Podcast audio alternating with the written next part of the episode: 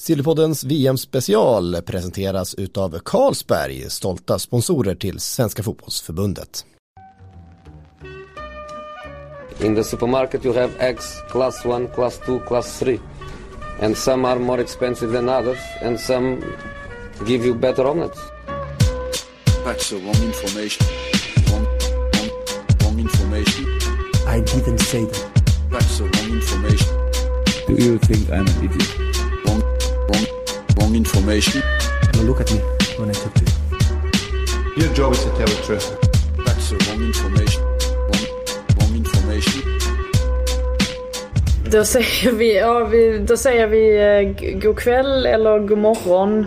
Eller kanske Eh, godnatt. Eller kanske godnatt, precis. Ja, vi befinner oss i alla fall i Rennes den här gången och Sverige har precis slagit ut Tyskland ur eh, VM 2019. Man bryter alltså den här förbannelsen som har legat över det svenska landslaget sedan 1995 då man senast besegrade dem. Eh, och eh, när jag säger att vi sitter här så menar jag givetvis jag själv, Frida Fagerlund, mina kollegor Anna Rydén, Simon Bank och Petra Thorén. Och vi är väl alla lite omtumlade. Lite överraskade är vi nog också. Eh, men Simon, kan inte du försöka sammanfatta vad det är vi har fått uppleva ikväll?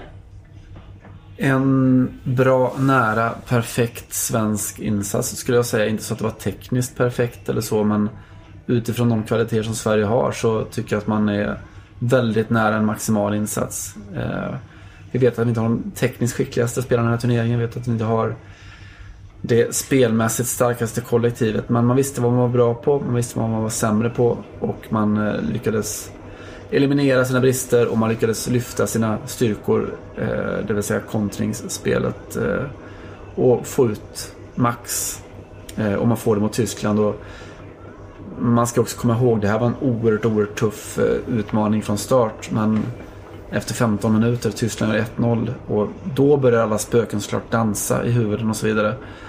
Men att därifrån ta sig till en, inte bara en vinst utan en dessutom synnerligen välförtjänt vinst, det tycker jag är en eh, en av de riktigt stora svenska fotbollsprestationerna. Du satte ju soundtracket för dagen redan i bilen på väg till Rennes idag och landslaget verkar ju ha snappat upp det. Det är ju klart Ghostbusters-låten.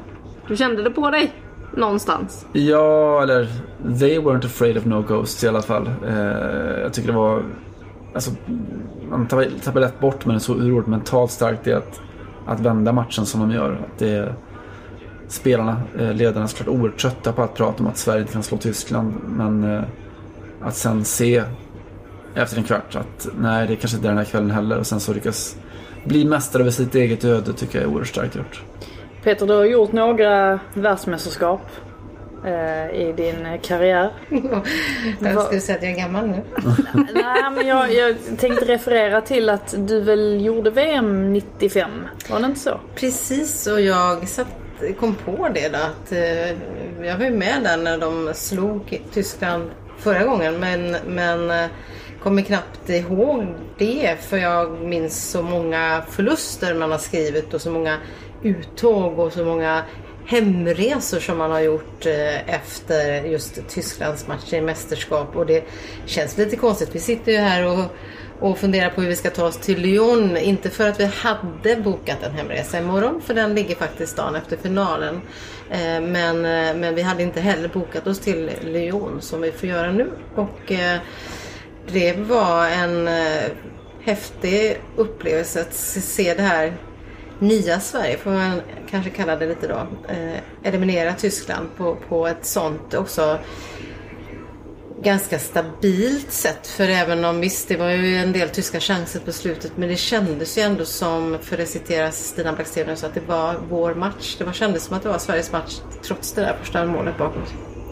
Men det känns ju lite grann som att det här laget är så fruktansvärt taktiskt slipade. Att för att en motståndare ska kunna besegra Sverige så, så måste de ha någonting lite extra. Alltså Sverige är så fruktansvärt väl förberedda inför varje match. Um, att det känns som att så länge matchplanen går liksom åt deras håll så, så är det nästan omöjligt att knäcka dem. Och det är ju en otroligt stark grej eh, att ha med sig in. Alltså särskilt nu när man just ska möta Holland som ju inte har imponerat sådär märkbart heller. Men nu, svävar jag iväg snabbt. Det Vi ska inte tankarna- vara där riktigt än. Nej, tankarna går jätte i huvudet. Men eh, vi får prata, vi får hålla, hålla oss kvar lite grann kanske vid den här matchen. Eh, Simon, vad var det som var så... Vad var det de gjorde så bra egentligen? Grunden såklart är ju försvarsspelet. Eh, pratade inför matchen om hur, hur Tyskland generellt har svårt mot samlade försvar. Eh, sen det som händer i början av matchen är ju att Sverige ger bort lite bollar i uppspelen och Tyskland kan då eh, ge sig på ett, ett försvar som inte samlats med ett lag som är på väg framåt. Och då såg vi ju pang bom och så var det 0-1. Men efter det så, så är det väldigt, väldigt sällan som Tyskland får anfalla mot ett, eh, ett utspritt svenskt försvar. Dels för att man är väldigt noggranna i att, att komma hem och dels för att man i sitt anfallsspel så gör man mycket mer än tidigare under, under VM att man anfaller väldigt rakt, väldigt tidigt, väldigt långt bakifrån. På ett sätt som Sverige, jag tror att Sverige riktigt kunde göra. Det är ganska bra bollar eh, djupt nerifrån och framförallt så du pratar om liksom hur, hur väl förberedda Sverige är. Jag upplever att de har en extrem, jag vet inte om de har självförtroende, men de har definitivt ett förtroende för sin, sin matchplan.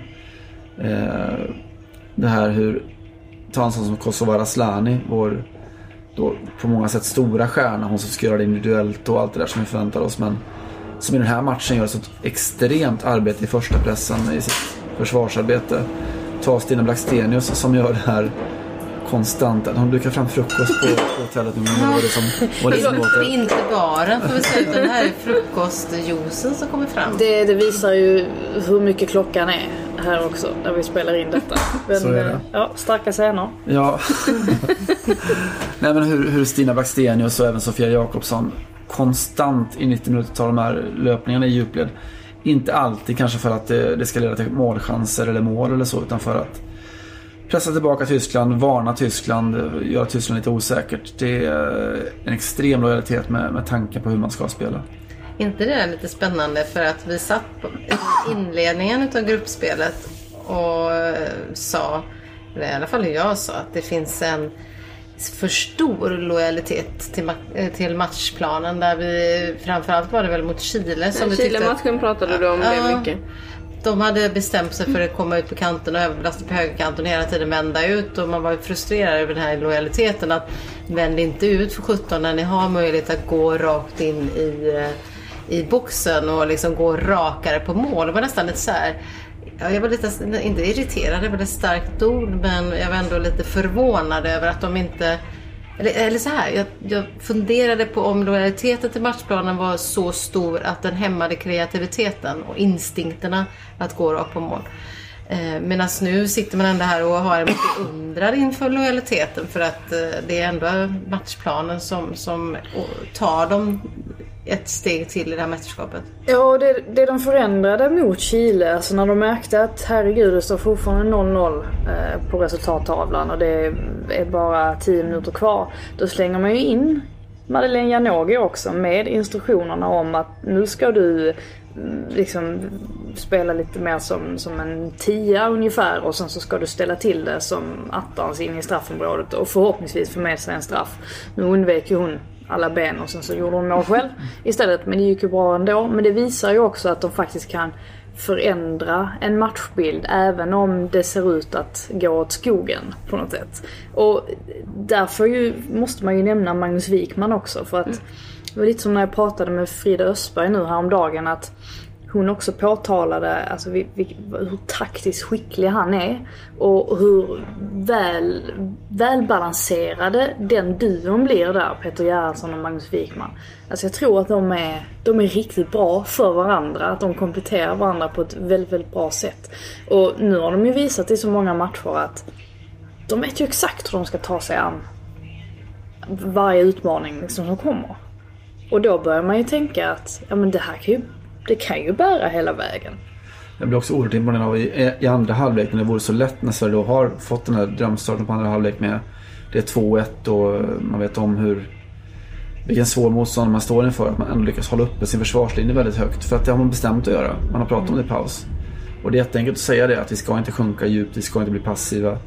Men att lyckas genomföra det också. Eh, det man har bestämt tycker jag är, är riktigt starkt gjort. Mm. Och också där, in, alltså in, om man tänker på hur de agerar i bollerövrandet, alltså i själva momentet. De, de är väldigt på direkt och försöker verkligen liksom vinna boll. Jag tycker ibland att när man ser dem just det här eh, en mot en försvarsspelet närmare eget straffområde, att de ibland hamnar lite för långt ifrån motståndarna och blir lite för defensiva i det, där man nästan vill att de kliver på lite. Eh, Medan de högre upp i banan är verkligen superettriga, ligger på. Där har de också blivit skickliga på att verkligen vinna boll. Liksom. Eh, och sen spela sig ur det läget och som är en av deras nycklar. Liksom, att snabbt eh, hitta rätt med första passningen nu. Men eh, det tycker jag också är lite fräckt att se faktiskt. Det här eh, otroligt eh, intensiva liksom, pressarbetet en mot en och att de verkligen går in för att vinna bollen de har läge. De har blivit rätt skickliga på. Men sen märker man ju, igen. ja, nu, nu vet jag inte vad han gör. Nu, det är yoghurt och grejer som ska fram. Eh, men det som är nästan än mer häpnadsväckande det är ju att de känns ju verkligen inte klara. För när de kliver ut där i mixade zonen så är de ju nästan irriterande lugna ändå över vad de precis har ställt till med. Eller vad, vad säger du Anna om deras reaktioner efter matchen? Ja, de var ju oerhört... Förutom då Kosovare Asllani som var så jävla trött var det första hon sa när hon kom ut. För hon hade svettats 100 liter. Eh, ingen underdrift där alls. Eh, eller överdrift alls av eh, Kosovare Asllani. Men eh, så kommer de ju ut och känner, känner att de ska inte vara klara i Lyon på onsdag utan de ska vara kvar i Lyon till på söndag. De ska vinna VM-guld, det är det som gäller nu. Och samtidigt som liksom en del då säger det rakt ut, det var väl Elin Rubensson bland annat till exempel som sa att eh, guld är det som ska vara nu så kommer Magdalena Eriksson ut och som har varit ganska bra på att snacka hela mästerskapet hittills och skapa rubrik och säger då bara Ja ja fast alltså Nu ska vi ta det här, nu är jag jättetråkig men vi, nästa mål det är att vi ska till final. Vi tar en match i taget. Nu ska vi vinna mot Holland och Kosse kunde redan då också bara okej, ja men Holland är de som gäller, så här ska vi slå dem. De har mattats av under turneringen. Vi eh, mötte dem i EM eh, 2017. Åkte ut men vårt lag som natt och dag jämfört med hur det, Sverige spelade då och hon kände sig väldigt säker med att de kan slå Holland och det är ju så det känns när de pratar att de själva är väldigt, väldigt övertygade om att resan ska inte ta slut nu. De flyger ju inte iväg samtidigt som de ändå har oerhört stor tro på sig själva samtidigt som de ändå har fötterna på jorden. Eh, på något sätt. Eh, och det är ju faktiskt ganska fantastiskt ändå att de lyckas att behålla den mentaliteten. Eh, men om vi ska ändå blicka framåt lite mot semifinal nu som, som väntar först och främst då. Om vi ska ta det en match i taget. Eh, Det vill ju Ska vi- Magdalena Eriksson gärna Ska att vi vi redan gör. blicka vidare? Ska vi inte prata lite om... eh, Vad vill du prata om nu? Ja men jag tänker så här. Jag tänker mer att klockan snart är, det är snart tid för frukost. Jo, Det men är snart semifinal. Ja, det... ja, men jag tänker bara ändå som spelare som Sofia Jakobsson som haft en tung vinter i, i Montpellier liksom, där de inte får så mycket speltid och Stina Blackstenius som, som lämnade Montpellier eh, och flyttade hem för att finna liksom, ett avstamp och klara av ett eh, Jesper Frida. Ja, men ursäkta, jag, Nej, jag skojar. jag dolde den. Men jag bara tänker så här, det är intressant att höra vad ni liksom ser ändå på den förvandlingen som, som båda de två egentligen har gått igenom. Och Fridolina Rolfö, hon har haft mer liksom, skadebekymmer då. Men just de här eh, två spelare som ändå haft rätt eh, mycket motgång rent eh, mentalt kan man säga. Liksom haft, Sofia har haft en tuff tid eh, också privat då. Att de ändå liksom kan stå upp nu, det kände vi inte efter första, andra matchen. Ja, efter första matchen framförallt.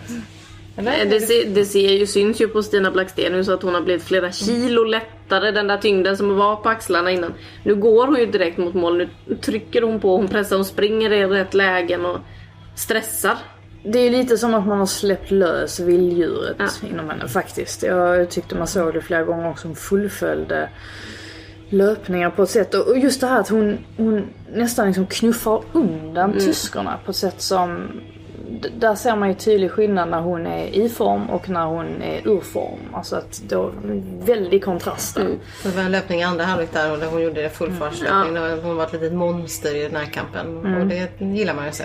Ja men verkligen. Och det är ju det man behöver nu om man ska bära. jag tror också det, att det är spelare, om vi pratar om Stina Blackstenius och Sofia Jakobsson, så är det spelare som är som mår oerhört bra av att det finns en sån trygghet i sättet att, att spela på. Deras uppgift är i princip gå in och spring. Eh, Gå in och utmana, gå in och eh, vad säger fotbollstränaren? Ställ frågor. De behöver inte fundera så oerhört mycket på vad de gör utan in och spring. Spring i djupled, visa, var tydligare löpningar. I Sofia Jakobssons fall, utmana din motståndare. Eh, Jag tror att de är jättebra av det. Att det finns en sån trygghet i den här gruppen i sättet som man vill spela på. Ska jag kanske slänga in en liten hyllning och eller liten, en stor hyllning till Linda Sembrant också som gör en fantastisk klämma. Montpellier. Som Montpellier. Det är, hon verkar ju inte trivas där heller höll jag på att säga. Men hon är ju också på, på språng därifrån. Många som vill lämna Montpellier. Ehm, ja, men hon, såklart blir det ju gräddet på moset är ju förstås den här framspelningen då till 1-0 målet som ju är klockren. Ehm, och det, det verkar ju som att det var meningen också att den skulle bli så perfekt. När- vad man hörde när man pratade med henne efter matchen. Ja, den är jättefin. Hon, hon var ju försvarschefen i den här matchen. Så, så tycker jag att vi före matchen pratat oerhört mycket om värmen. Alltså det är på ett, en bra bit över 30 grader och det är en, en bastu som de spelar i. Nilla Fischer, eh, vältränad naturligtvis, eh, får kramp efter en timme. Och hon har inte sprungit mest i det svenska laget. Den har väl Blackstenius och Sofia Jakobsson i vanlig ordning gjort. Eh, och då kör de en halvtimme till med maxlöpningar. Eh, det är ju... Alltså när man sitter på läktaren och, och blir trött och blir uttorkad och, och allt vad man blir så, så är det svårt riktigt att ta in hur stor den arbetsinsatsen är. Ja, eh, det, men tycker det har varit, eh, det är lite signifikant också för det här laget att de oftast vinner sina matcher, alltså sista kvarten. Det är, det är nästan alltid då man ser vilken styrka de besitter. Just det här också att eh, man pratat mycket om bredden på truppen. Alltså nu börjar man, eller nu, alltså det har man ju förstått tidigare också, men man ser ju verkligen att det har de ju. För att de spelarna som kommer in där, liksom Lina Hurtig, Nathalie Björn, jättebra spelare. Som liksom kan kliva in och det känns, känns givet vad de ska göra ute på planen. Men det har de pratat mycket om, tydligheten och sådär. Att den, eh, den finns och alla vet exakt vad de ska göra när de kommer in på planen. Och det är ju givetvis en fördel. Men eh, får vi gå vidare till, till Holland? Det kan vi göra och om vi ska brygga över då Lina Hurtig nämner du så kanske hon är ersättaren till Fridolina Rolfö som inte får spela. Hon var ju eh, förstörd efteråt eftersom hon fick en, eh, hon fick ju en, en varning till då så hon är avstängd i matchen.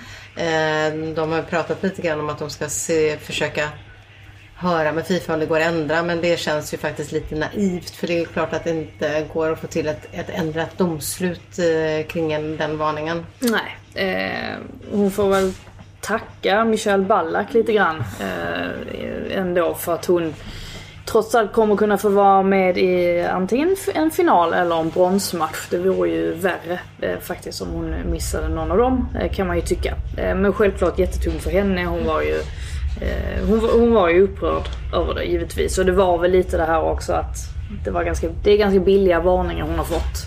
Eh, vilket ju gör att det känns extra tungt för henne. Eh, men Lina Hurtig säger du. Madeleine Janogy då? Jag tror som Peter att Lina Hurtig är ett, eh, ett första val. Dels med hon är kanske mest lik Rolfö. Hon har typ de spelegenskaperna kanske men det där djupledstrycket, fysiken. Eh, som kanske kommer krävas ännu mer mot, mot eh, Holland än mot Tyskland. Eh, tror jag gör att hon är det naturliga valet. Sen har ju Madeleine Janogy inte spelat eh, eh, sen då sitt succéinhopp i, i premiären. Och Janogy är ju mer av en joker. Att en sån där spelare som är ganska skön att ha på bänken också. Om det krävs mot slutet. Jag, jag tror att Lina Hurtig är, är första valet. Ja, Janogy fick ju, det var ju de två första matcherna där. Sen har det ju inte riktigt, matchbilden har ju inte riktigt eh, varit Ja, och så passande. var hon ju dessutom skadad, hade problem. Precis, eh, matchen. Så att vi vet ju inte exakt status på henne. Vi har ju sett att hon joggar runt i alla fall när de värmer. Men vi får ju inte se dem så himla mycket alltid. Så att hon själv var lite irriterad när hon inte fick vara med och spela hela tiden på första träningen efter åttondelsfinalen. Då är det ju alltid reserverna som tränar. Då fick hon stå och köra lite skottövningar och sådär vid sidan om. Det tyckte hon inte alls var kul. Hon ville vara med och spela hela tiden. Eh, men det fick hon inte. Hon och Mimmi Larsson växlade lite där. Ja, vi pratar ju faktiskt oerhört lite om just startelvan för det känns ju som att Peter och Magnus verkligen har satt sin startelva. Och nu blir det förstås en ändring där med roll för antagligen Hurtig. Men i övrigt så känns det ju självklart vilka som ska starta. Eh, Men Holland, vi måste prata lite om Holland ändå. Du vill Jag- dit nu. Jag vill dit. Nu, nu ska, vi, dit. Är man verkligen så himla imponerad av Holland? För jag ska säga att jag är inte det. Nej, vad är det du har sett då som gör att du inte är imponerad? Det, har ju varit lite berg och dalbana liksom, i deras spel nivåmässigt. Ja, men eh, om man utgår från eh, matchen mot Japan till exempel så tycker inte jag att de imponerar på det sättet som, som det pratas om dem. Alltså de har ju varit rankade över Sverige hela tiden av diverse, ja men The Guardian till exempel och så här. Och det är väl klart att de har bra spelare, van de Sanden och Martens eh, inte minst och, och så vidare. Men samtidigt så är det ganska många som underpresterat. Van de Sanden har ju blivit utbytt i Ja. nästan alla matcher ändå. Ehm, Så jag tycker liksom inte att de skräms riktigt. Jag, eh, nej. Nej, de är, vad är de på nu? Nio raka vinster eller någonting. Eh, och de är Europamästarinnor och såklart. Och som du pratar om att spelarmaterialet är, är fantastiskt. Men ganska många av eller väldigt få av dem ska jag säga har ju sådär varit kontinuerligt eh, på högsta nivå under den här turneringen. Van der Sanden har, som jag trodde skulle kunna springa, springa in med både fyra, fem, och sex och sju bollar i det mästerskapet, har väl gjort målen tror jag. Eh, det är egentligen, Lika Martens börjar komma nu först. Eh, de här senaste matcherna som är så oerhört viktiga för deras länkspel. Eh, det är väl egentligen bara Midma framåt som har kontinuerligt hållit en väldigt hög nivå med sina fantastiskt fina fötter och sin fina teknik och intelligens och allt det där. Så svårt absolut, men inte omöjligt. Jag, jag ser dem som ett någon slags sån kärleksbarn mellan den klassiska holländska fotbollen och lite att de är USAs B-lag. Alltså att de har den här eh, fysiken framåt. eh, Kan vara väldigt snabba och tydliga och raka och rena framåt. Men, men har inte alls imponerat på samma sätt som USA har gjort. nej. Vad tror du Anna, blir det final eller blir det bronsmatch? Det kan man ju då redan läsa i vår VM-bibel här va. Det blir ju final för Sverige. Det bestämde jag ju mig tidigt för. Men eh, jag, jag tror att det blir final. Jag tror att Sverige slår Holland. Jag är inne på samma linje som. Jag tycker inte de har imponerat så mycket som jag trodde att de skulle göra. Och eh, med tanke på hur bra Sverige lyckas scouta sina motståndare och ha stenkoll på vad de ska göra. Magdalena Eriksson sa till exempel i mixade hon har ju stenkoll på van de Sanden då, vad hon kan göra. Hon sa hon är otroligt lättläst. Det som är jobbigt är bara att hon är så jävla bra på allt det hon gör så att hon gör det så bra. Men de har ju koll och med tanke på hur fokuserade de är och deras tro på att de kommer kunna slå Holland. Det tror jag väger ganska tungt i det här läget om man ser till hur det såg ut idag. Så att ja, nej men vi kan väl stanna i Lyon en vecka. Det tycker jag känns härligt. Eller hur Frida?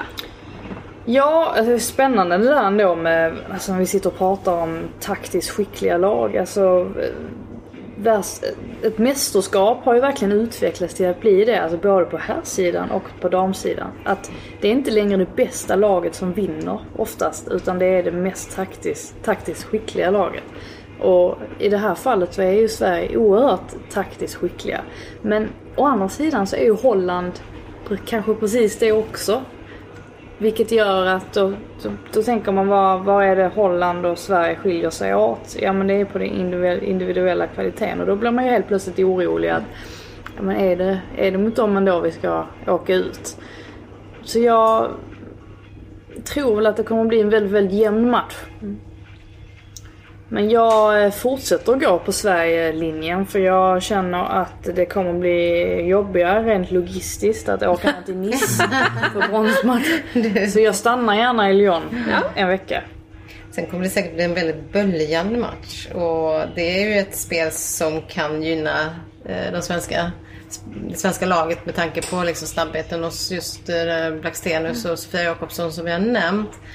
Eh, och där kanske Holland inte är lika vassa heller försvarsmässigt. Eh, eh, då, utan det finns ytor, det kommer finnas ytor, det kommer finnas möjligheter. Med det sagt så är ju de också, deras styrka är också den liksom, snabbheten offensivt. Och, Tyskorna var ju inte så snabba idag. De hotar ju inte med den snabbheten. Och jag, jag säger det igen som, som inför mästerskapet att känslan är ändå att när det svenska... Alltså nu stör de dem högt upp och de inte liksom får komma till snabbheten så är det en sak. Men när Sverige får liksom möta väldigt snabba spelare så har de fortfarande lite problem försvarsmässigt. Och det är väl kanske det som, som eh, man kommer få möta då och ställas på sin spets mot Holland. Och det kan jag känna är lite kan bli en väldigt öppen match, kan tala för Sverige men det kan också vara det som talar mot Sverige. Mm. Simon, vad eh, kan du se in i framtiden? Och... Ja, jag såg ju att Sverige hade ungefär en chans på fem mot Tyskland så jag ska väl bara hålla käften egentligen. eh, det man kan säga om Holland är att de släpper in mål. Eh, de gör det, de är, är sårbara defensivt. Eh, den stora uppgiften, alltså Tyskland utan Marochan var ju inte så duktiga på att spela in i mitten. Eh, nu möter vi Holland med Sherida Spitze som, som jag tror att det var, man har spelat fram till fyra mål på tre matcher. Eh, spelat fram till båda, båda deras mål nu i, i kvartsfinalen. Eh, tuff uppgift för, för Rubensson och Caroline Seger där inne. Eh, en annan sorts utmaning än, än Sverige ställts, för, ställs mot så här långt. Eh, men det vore mer främmande att räkna bort dem. Jag, tycker, jag har samma känsla som ni, som ni har. Alltså när man ser Peter Gerhardsson efter matchen. Det är inga stora gester. Det är sammanbitet, det är kepsen ner i pannan och sen så går man av och så pratar man fortfarande om att målsättningen med VM är att vinna sista matchen. Eh, så, eh, och det skulle betyda att Sverige tog medalj i så fall. Eh, men det är, ger ingen, ingen ledtråd inför just den här matchen. De kan ju både förlora och vinna den här matchen. Eh, och ändå vinna sista matchen i mästerskapet. Men det man kan slå fast är att det kommer krävas en ungefär lika bra insats som, gjorde, som Sverige gjorde idag om man ska ta sig till final. Och snart har ju faktiskt Peter Gerhardsson firat klart. 01.37 slutade han fira åttondelsfinalvinsten mot Kanada. Så att snart är den, det firandet över. En sak som man kan notera med. Ja, Det är ju att Caroline Seger kommer att göra sin 200 landskamp i VM. Just det. Hon är uppe på mäktigt. 198 nu. 199 blir det semifinalen. Och 200 i en final eller en bronsmatch. Alltså det är så Jag mäktigt. påminn om det i, i mixade zonen och blev väldigt, väldigt glad över insikten som hon fick där och då. Ja, det, det, det får man ju lugnt konstatera att man unnar henne som lagkapten och den fantastiska människa hon är överlag. Att hon ska få, få göra, göra det. och allra helst i Lyon. Ja. I finalen. Precis. Ja. Allra helst i Lyon i finalen. Snälla låt det nu bli så. Så blir vi alla glada och nöjda. Ehm, ja. jag tänkte, är det nu du ska runda av det här på jag tänkte jag skulle få, få, få till en bra sammanfattning men eh, jag har inte så mycket kvar i huvudet faktiskt. Det är, mina påsar är nog djup under ögonen är nog djupare än någonsin vid det här laget. De lär inte bli mindre de kommande dagarna men det är kul. Eh, det här. Vi, är det någon som har något, något, uh, någon sista liten grej att säga eller ska vi stänga den här butiken? Jag tycker vi packar ihop och rullar mot Lyon eller? Det gör vi med en OS-plats i bagaget får man säga också då.